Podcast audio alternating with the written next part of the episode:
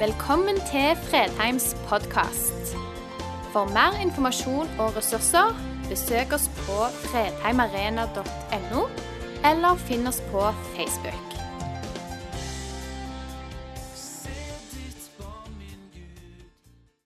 Vet dere hvorfor vi feirer søndag?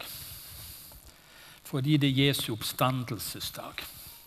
Vår frelser Jesus har stått opp, sang vi. Og Det er derfor vi feirer søndagen.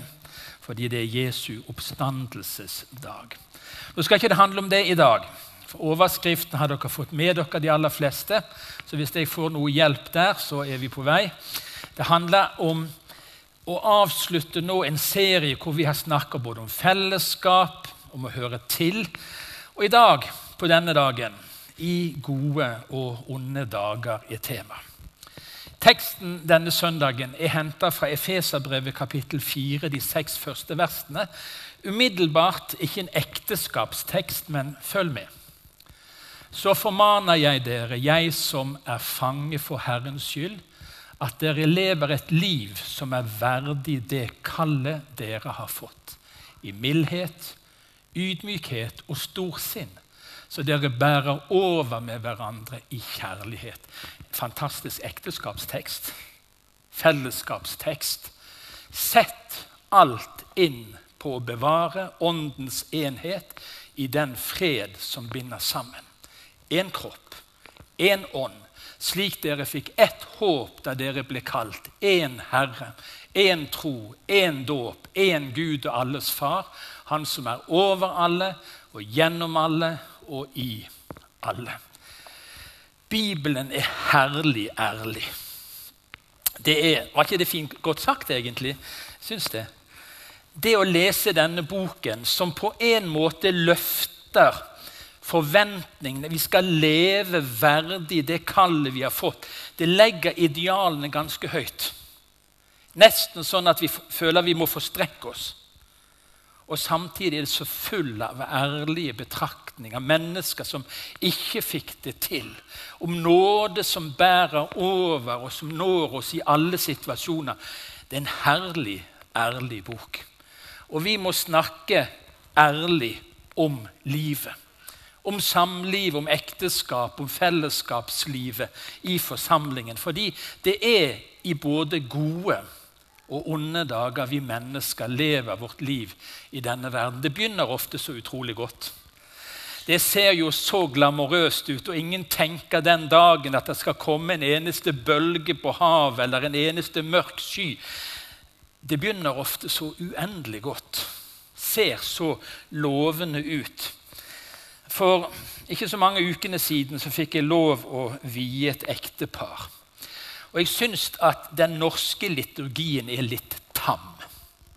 Og Vi stiller liksom bare spørsmålet vil du leve med henne etter Guds hellige ord, elske og ære henne og bli trofast hos henne eller han i gode og onde dager inntil døden skiller dere. På 1500-tallet så skrev de i den anglikanske alterboken hvordan de skulle svare hverandre. Dette brukes ennå i store deler av kirken i den engelsktalende verden. I take thee, my wedded wife, to have and to hold. From this day forward, for better, for worse, for richer, for poorer, in sickness and in health. To love and to cherish till death do us apart. Det, er liksom, det bare øser på med løfter.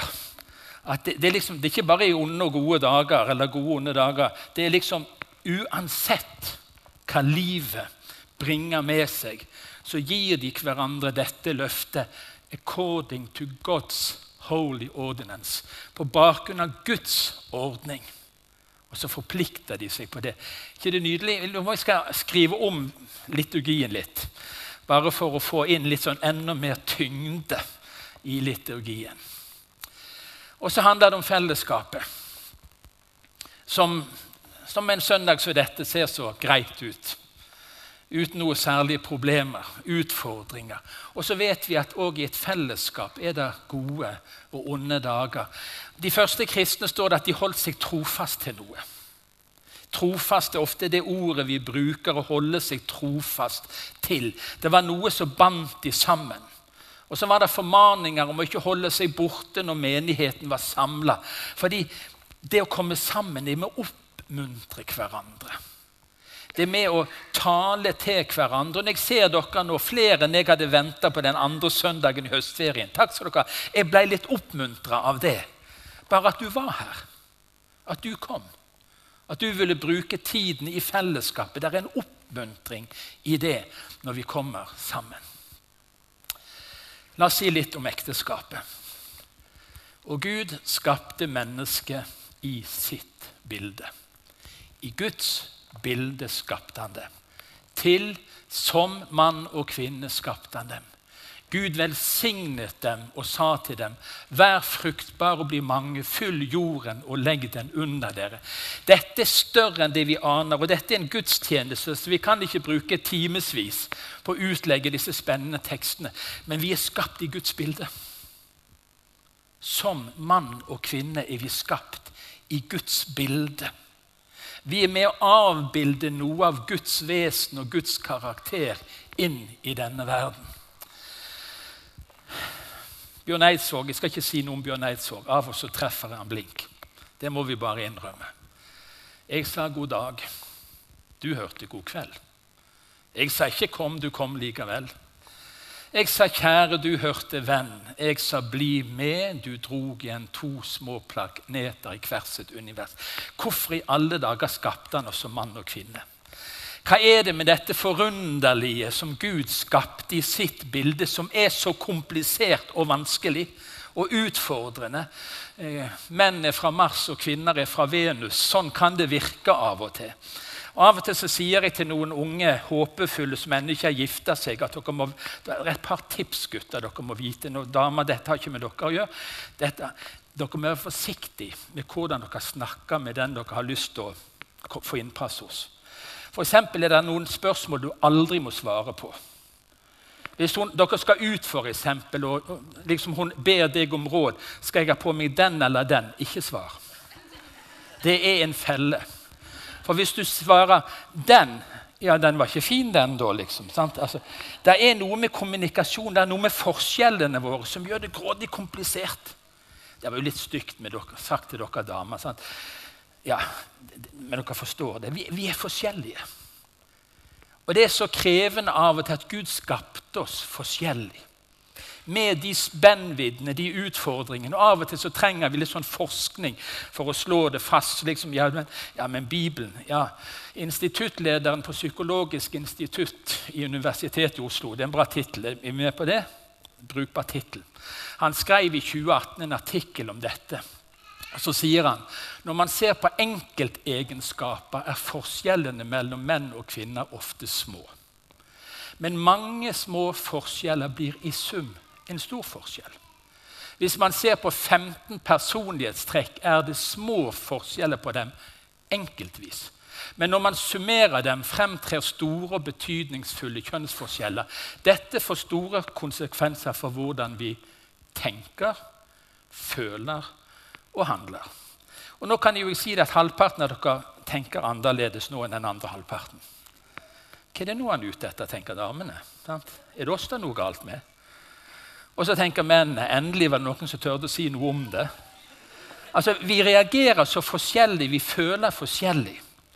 Damer bruker vanligvis 7000 ord per dag, sier de. Mennene ca. 2000. Liten forskjell. Hvis du går inn og avleser tusenvis av mobiltelefoner, hvilke meldinger menn og kvinner skriver Kvinner skriver mange flere og bruker sosiale medier mye mer enn menn. Og ordene menn og kvinner bruker, er dramatisk forskjellige. Dette er forska på. Det er kjempeforskjell på hvilke ord som brukes. Til mann og kvinne skapte han det i sitt bilde. Hvorfor gjorde han det så vanskelig? Jeg tror på en Gud som elsker forskjeller. Og at forskjeller er noe av det mest berikende i livet. Når du lar forskjeller få lov å utfylle hverandre, blir det en helhet som Hvis alle tenkte likt og var like Det kan ikke bli bra. Det er noe med forskjellene som gjør livet mer spennende, rikere, mer Du ser et større bilde. Gud hadde gode tanker. Guds ordninger er nemlig gode. I første Mosebok 1.31 står det Gud så på alt det han hadde gjort. Alt det han hadde gjort. Og det var svært godt. Når Gud skapte denne verden, når Gud skapte dette universet, når han satte alt i bevegelse, når han plasserte sol og måne, når han skapte dyr og busker og vekster og til slutt mennesker, så, trakk han seg tilbake igjen og sa dette var bra. Well done. Ikke det godt å tenke på at vi er ikke, det er ikke noe tilfeldig, ikke noe uheldig. Det er bevisst planlagt, og det var svært godt. Og så står det allerede i første Mosebok derfor skal mannen forlate sin far og sin mor og holde fast ved sin kvinne. Og de to skal være én kropp. Dette er gammelt. Første gang jeg hørte en samlivsterapeut undervise, det var i 1982 ca. på gamle Fredheim bedehus. Vi inviterte til en temakveld. Og Han som var der da, sa at en av hovedårsakene altså nå dette i 1982, så det er jo en stund siden, en av hovedårsakene til skilsmisser sa han etter sånn 8-10-12 år, det er at ekteparene ikke har forlatt sin barndomshjem. Og mennene i særdeleshet. Mors kjøttkaker er fremdeles best. Mors skjørt er tilfluktsstedet når livet er litt utfordrende. Og så blir det et skille mellom de to som skulle være én kropp. For De henger igjen. Men vet du hva det står i Bibelen? I første Mosebok står det at mannfolk skal forlate din far og din mor. Kom deg ut hjemmefra. Bli selvstendig. Ikke heng i skjørtekanten på mor. Ikke fortell om at alt var bedre hos henne. Vet du hva? En eller annen dag så blir det nok for den som lever. Og damer, dere sliter litt, dere òg, av og til. Og Jeg sier det så ofte jeg kan til unge damer. Din mor skal ikke være din beste venninne. Og til oss besteforeldre din datter skal ikke være din beste venn. Der er noen forskjeller her som gjør at dynamikken blir annerledes enn i andre relasjoner. Vi skal forlate, og vi skal holde oss til så er de ikke lenger to. De er én kropp. Og det som Gud har sammenføyd, skal mennesker ikke skille. Og Nå vet du at nå beveger vi oss ut i et vanskelig landskap. Fordi skilsmisse, livets utfordringer, rammer oss på så mange måter. I denne salen, i denne forsamlingen, i vår nære slekt, i vår nære familie. Men Guds ordning er god. Vi var skapt til å leve sammen i gode og i onde dager til døden skiller oss ad. Det er Guds drøm for oss mennesker.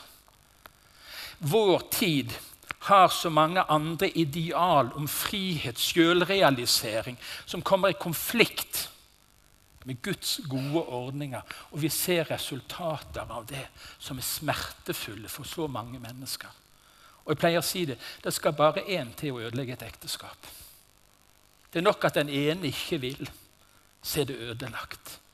Men Guds gode ordning er det livsvarige, livslange ekteskapet mellom én mann og én kvinne. Hvordan i alle dager skal vi få det til? Ja, Det ikke er så forferdelig enkelt. Men Bibelen gir oss noen fantastisk gode råd, veiledning, inn i det.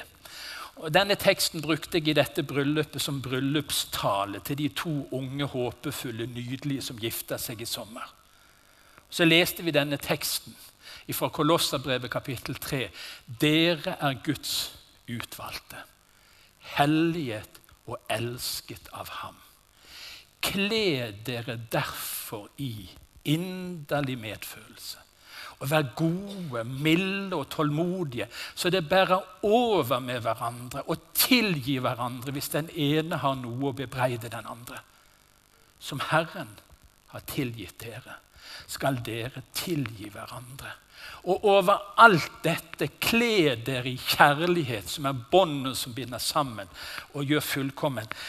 Brukte noen av dere litt tid på hva dere skulle kle på dere i dag. Tenkte litt. Jeg har en ny skjorte som jeg ikke har brukt før. Den strøyk jeg sånn før jeg gikk opp her i dag. tenkte jeg, Når jeg har svart skjorte, da må jeg ha brun jakke. Sant? Det passer ikke med den blå jakken til den svarte skjorten. Var ikke det ganske greit? Sånn helhetlig. Og Så brunt belte, for det passer til de brune skoene. Sant? Og svarte strømper, gutter. bare Ikke hvite tennissokker. bare så klar over det. Altså, Vi bruker tid på å kle oss. Og så sier Bibelen noe om hvordan et ekteskap, hvordan gode relasjoner vokser. Kle deg i inderlig medfølelse. Vær god, mild, ydmyk og tålmodig. Og Bare når vi har lest det, så sier jeg, kjære Gud, jeg trenger deg. Jeg trenger nåde. For jeg er ikke sånn. Min natur er Ja, det der med medfølelse. Ja, ja. God og mild og Ja. Jeg sliter sånn som jeg er. Og Derfor trenger jeg Han som har elska meg, Han som har tilgitt meg uavbrutt, uansett, utallige ganger. Jeg trenger det. Som Herren har tilgitt dere, skal dere tilgi hverandre. Og overalt dette kle dere i kjærlighet. Kjærligheten tåler alt, utholder alt, sier 1. Korinterbrev kapittel 3. Kjærligheten er annerledes enn alt annet. Den er en makt som ikke Det er noe lik i denne verden. Du kan få lov å kle deg i kjærlighet. Det er båndet som binder sammen og gjør fullkommen. Så går det av og til i stykker. Livet er sånn for oss at noen ekteskap går i stykker. Det var ikke det en tenkte når en gikk opp kirkegulvet, men det var sånn det blei. Og Jesus ble utfordra på disse tingene. og Nå skal ikke jeg gå inn i en sånn djup teologisk eh, utleggelse. dette, Det må vi ta i en annen sammenheng. Men Jesus varte de som prøvde han, hva, hva er det med dette livet, med samliv, ekteskap, gjengifte? Og Så sier Jesus, fordi dere har så harde hjerter. Bånn ærlig. Hva er det som gjør at det går i stykker? Som regel har det med harde hjerter å gjøre. Det har med uforsonlighet å gjøre. Det har med egoisme å gjøre. Eller det har med ja, forskjellige ting som griper inn i samlivet, inn i ekteskapet, inn i relasjonene. Vi har harde hjerter. Derfor så ga Moses ulike råd og veiledning om skilsmisse. Og så er det noe som blir mer og mer tydelig. At for oss som bekjenner Jesus, så er det så skamfullt å slite i et parforhold. Vi venter så lenge med å søke hjelp. Ofte helt til det er ikke noen ting å bygge noe på på nytt. Mens andre, som kanskje ikke har samme tro som oss, de sier jeg har et problem, vi må få fikse det. Så er det så mye skam knytta til det å være en kristen og ikke fikse engang ekteskapet. Og så holder det oss borte fra å søke hjelp i tide. Vi er mennesker i denne verden. Vi har vårt gamle menneske i oss. Den gamle Adam, sier vi, men der er en gammel Eva òg. Og de har ikke forandra seg så mye. Vi har harde hjerter. Vi trenger alle noen å støtte oss til i faser i livet. Åpne opp og si det er elendig. Vi trenger hjelp, vi trenger veiledning. Og vi trenger Guds nåde og Guds hjelp. Når det har gått i stykker, hvordan behandler Gud oss da? For det er ofte det som blir spørsmålet. Og Det er en tekst i Bibelen som har utfordra meg så mange ganger. Og Nå skal dere få en bitte liten del i det. Johannes kapittel 4. For du har hatt fem menn. Og han du har, er ikke din mann. Kvinnen med brønnen. Merkelig historie som rømmer midt i dagens heteste øyeblikk ut til brønnen for at ingen skal møte henne. Men der sitter Jesus og møter henne. Og Så begynner de å samtale, og så peker Jesus rett inn i livet hennes. Du har hatt fem menn, og han du har, er ikke din mann. Og så sier kvinnen, som er helt forløsende, det du sier, er sant. Vet du, det første steget inn i Guds nåde og tilgivelse og gjenoppretning, det er å si sannheten. Det du sier, er sant. Og hva skjer i dette møtet? Hun springer inn til byen som hun før hadde flykta fra. 'Kom og se en mann som har fortalt meg alt det jeg har gjort.' Kan du tenke deg? Hva har skjedd i en kvinne som har den skamfulle historien, og som har møtt sannheten? Og så springer hun inn til byen og roper ut 'Kom og se en mann som har fortalt meg alt jeg har gjort'. Han skulle vel ikke være Messias? Der er ingen det går i stykker for, som Jesus vil etterlate i kaos og bli regna som ubrukelige. Uansett forhistorie, uansett nederlag, uansett hva som har gått i stykker, så er det en gjenopprettelse for mennesker som det har gått i stykker for. Han etterlater oss ikke der. Han gir oss ny frimodighet, han gir oss ny nåde. Og så ble kvinnen et redskap til vekkelse. Tenk det. Hele byen kom på beina. Stiger ut til, til brønnen. Og så møter de Jesus. Og Så får han lov å forkynne evangeliet for dem. Og så sier de til kvinnen nå tror vi ikke lenger bare fordi du har fortalt det. Men det var sånn det begynte. Med det hun fortalte. Når det går i stykker, så er ikke livet ferdig. Når det går i stykker, så etterlater ikke Jesus deg der alene. Han kommer til deg.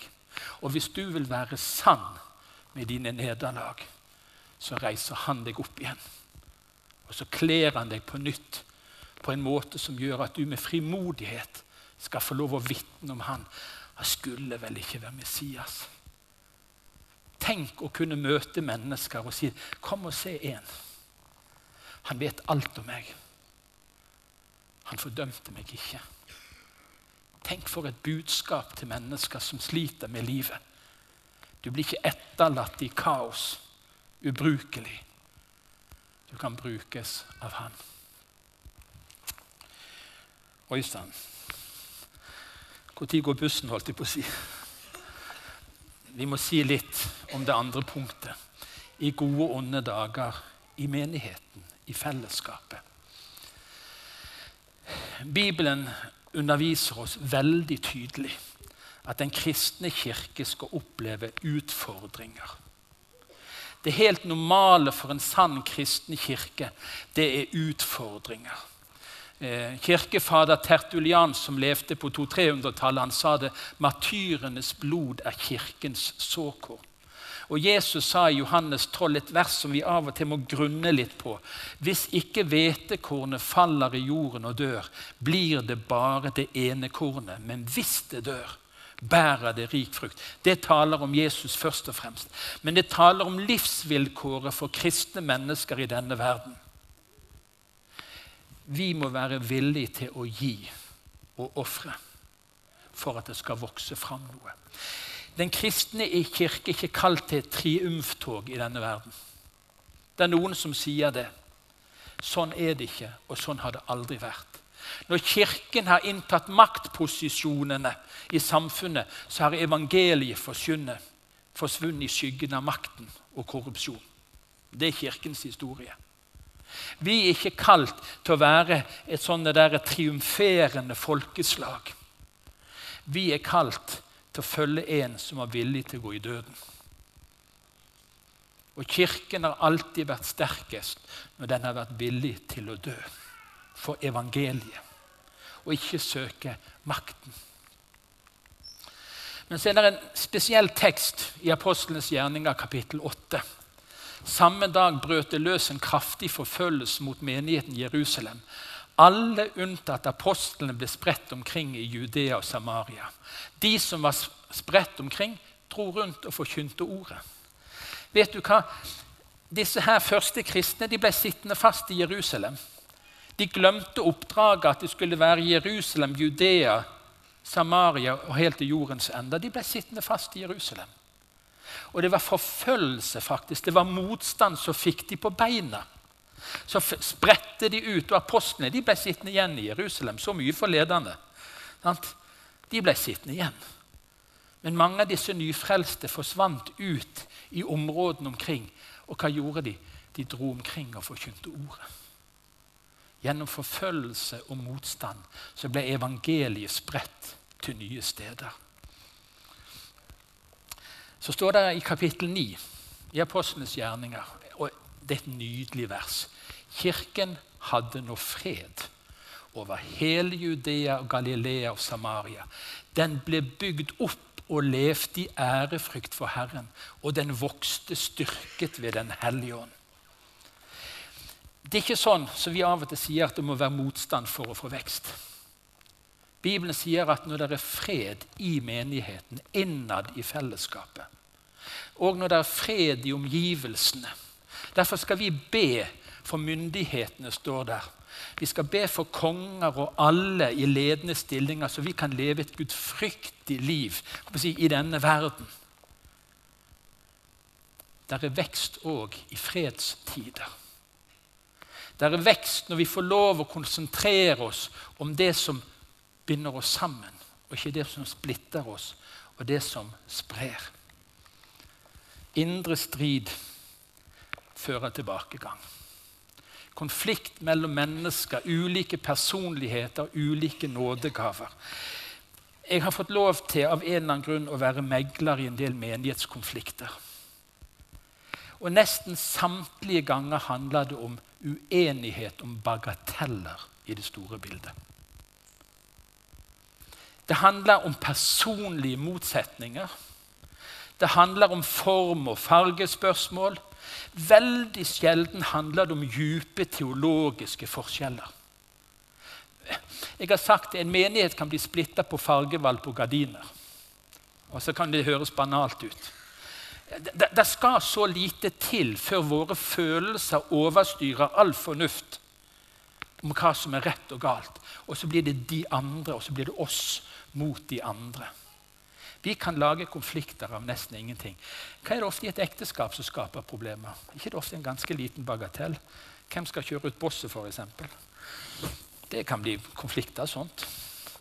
Det kan være en bagatell som over tid bygger seg opp til å bli en kjempekonflikt. En liten ting. Og ofte i menigheter så er det ofte så små ting som skal til. For våre følelser knytter seg ofte opp til bagateller. Og så liker vi best sånn umiddelbart de som er likest oss. Og så er det noen som stiller mer vanskelige spørsmål. Sånn, mm. Og så blir det vi og de. Og så blir det vonde dager. Det er bare én som kan ødelegge menigheten. Og vet du hvem det er? Menigheten. Den var så djup at du ikke ser det. Det var ikke alle som, det kobla ikke helt inn. Vi er ofte så redd for motstanderen vår. Men Jesus sa det. Dødsrikets porter skal ikke få makt over min kirke, sa han. Dødsrikets porter skal ikke få makt. Men han sa et annet sted et rike som kommer i strid med seg sjøl. Jeg må ha hoppet over det, tror jeg. Hvert rike som kommer i strid med seg selv, blir lagt øde. Og en by eller et hus som kommer i strid med seg selv, kan ikke bli stående. Hva kan ødelegge en menighet? Menigheten. Vi kan ødelegge Fredheim. Ingen andre som kan det. Vi kan det. Dersom vi begynner å festes i våre, mine, egoistiske oppfattelser og tanker om alle ting og når det blir meg og de andre, oss og de andre, så er vi i stand til å ødelegge. Vi er i stand til å rive ned. Sånn er det i, et, i en by. Sånn er det i et hus. Så hender det at det er uenighet om teologi. Og det kan være et problem. Det trenger ikke være et problem. Jeg får lov å være i et pastorfellesskap i Sandnes. En gang i måneden så møtes vi til frokost. til baptister og pinsevenner. og jeg ser Indre, ytre, og vekk og sjø og land og alt som finnes av sånne forskjellige. Inviteres. Og Vi setter oss ned og vi deler et Guds ord og vi ber sammen. Vi er veldig uenige om en del teologiske spørsmål. Og her inne i denne salen kunne jeg pekt ut noen som er veldig uenige med meg om en del ting i teologien. Og som jeg er litt uenig med i teologien. I alle fall hvis vi kommer inn på en del sånne litt spesielle spørsmål. Det som Kirken alltid har klart å takle, det er uenigheten når vi fortolker det som står skrevet. Utfordringen er når andre ting, utenforliggende ting, er det som får oss til å si hva vi tror og mener. Hvis Bibelen alene er det som er vår rettesnor, så gidder jo ikke jeg å krangle med, med pastoren nede i klippen om dåpssynet. Han leser Bibelen, og jeg leser Bibelen. Og Vi trenger ikke argumenter andre steder fra for å overbevise. Vi, vi slåss med Skriften. Det som utfordrer Kirken mer og mer, det er at Bibelen ikke lenger får stå alene. Men at menneskelig erfaring sidestilles med Bibelen og blir like viktig i fortolkningen av Skriften. Da har vi et problem. På Fredheim har vi sagt at vi skal være eh, lojale mot det vi står for som fellesskap, men det er stor takhøyde for uenighet om teologi så lenge vi argumenterer ut ifra Skriften. Du forstår forskjellen. Jeg kan ikke gå mer inn på det. Hva skal vi gjøre? For, hvor mye skal vi gjøre for å bevare åndens enhet? Er noen som husker teksten? Hvor mye skal vi gjøre? Sett alt inn på å bevare. Hvor mye skal du gjøre i ekteskapet? I utgangspunktet skal du sette alt inn på å bevare. Og så er det ganger det går i stykker. Men utgangspunktet er at vi setter alt inn på. Hva gjør vi i menigheten? Vi setter alt inn på å bevare. Og Hvis vi tar det på alvor, tror ikke du det vil gjøre noe med våre holdninger? måten vi møter hverandre på, Hvis vi setter alt inn på? Hvordan kan jeg forstå deg? Hvordan kan jeg lytte til deg? Hvordan kan jeg høre det du egentlig sier, det som ligger deg på hjertet, og ikke bare sitte og vente til du er ferdig, sånn at jeg får angrepet ditt ståsted? Sånn som vi så ofte gjør. Vi skal sette alt inn på å bevare åndens enhet i den fred som binder sammen fred i huset og vekst. Så skal dere få se bildet til slutt. Nå lover jeg at det er til slutt. Dette er min bønn for vårt fellesskap, for Fredheim forsamling.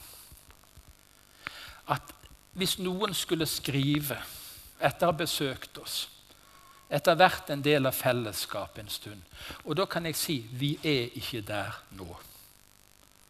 Men skal vi sammen løfte lengselen vår, bønnen vår, viljen vår til å la oss forme av Jesus, leve verdig det kallet vi har fått, så leser vi fra 2. Tessalonika-brev kapittel 1.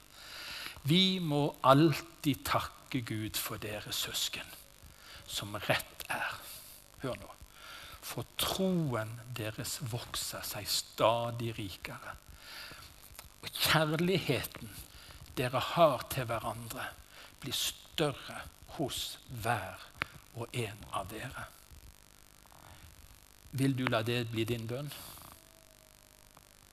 Vil du la det være din lengsel?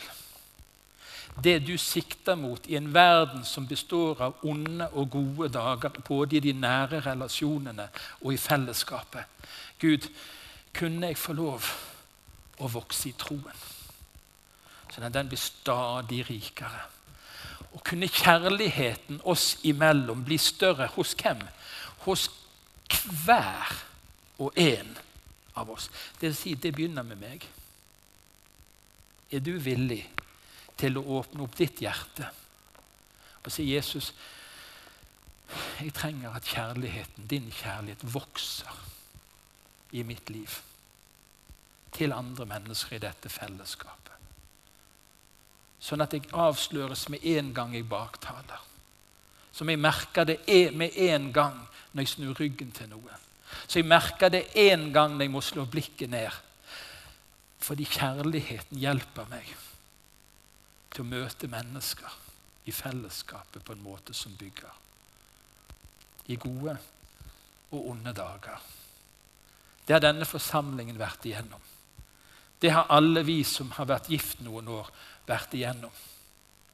Vi kommer til å møte det òg i framtiden. Men det er en kjærlighet vi kan få lov å kle oss i. folk. Nå begynner jeg på en ny preken. Amen. Kjære Jesus. Vi kommer til deg akkurat sånn som vi er. Og det er sannelig uryddig. Du møtte en kvinne som sa at du visste alt hun hadde gjort. Og det vet du om oss òg. Du vet følelsene våre, du vet viljen vår, behovene våre, lengslene våre, tankene våre. Du vet alt om oss, Jesus, og så elsker du oss søndag sammen. Du ser de som det har gått i stykker for, som har kjent på skammen og kjenner på skammen i sitt liv, Herre. Takk for at du tar skammen bort. Takk for at du gjenoppretter. Takk for at du etterlater oss ikke i kaos, ubrukelige. Men du lar oss få se at du er Messias, løftesønnen, som kan forandre liv. Herre, vi ber for dette fellesskapet. Vi ber for denne forsamlingen. La oss vokse i tro. Og la oss vokse i kjærlighet til hverandre på en sånn måte at det merkes, Jesus. At det merkes. Og det ber vi om i Faderens og Sønnens og Den hellige ånds navn. Og alt Guds folk sa Amen.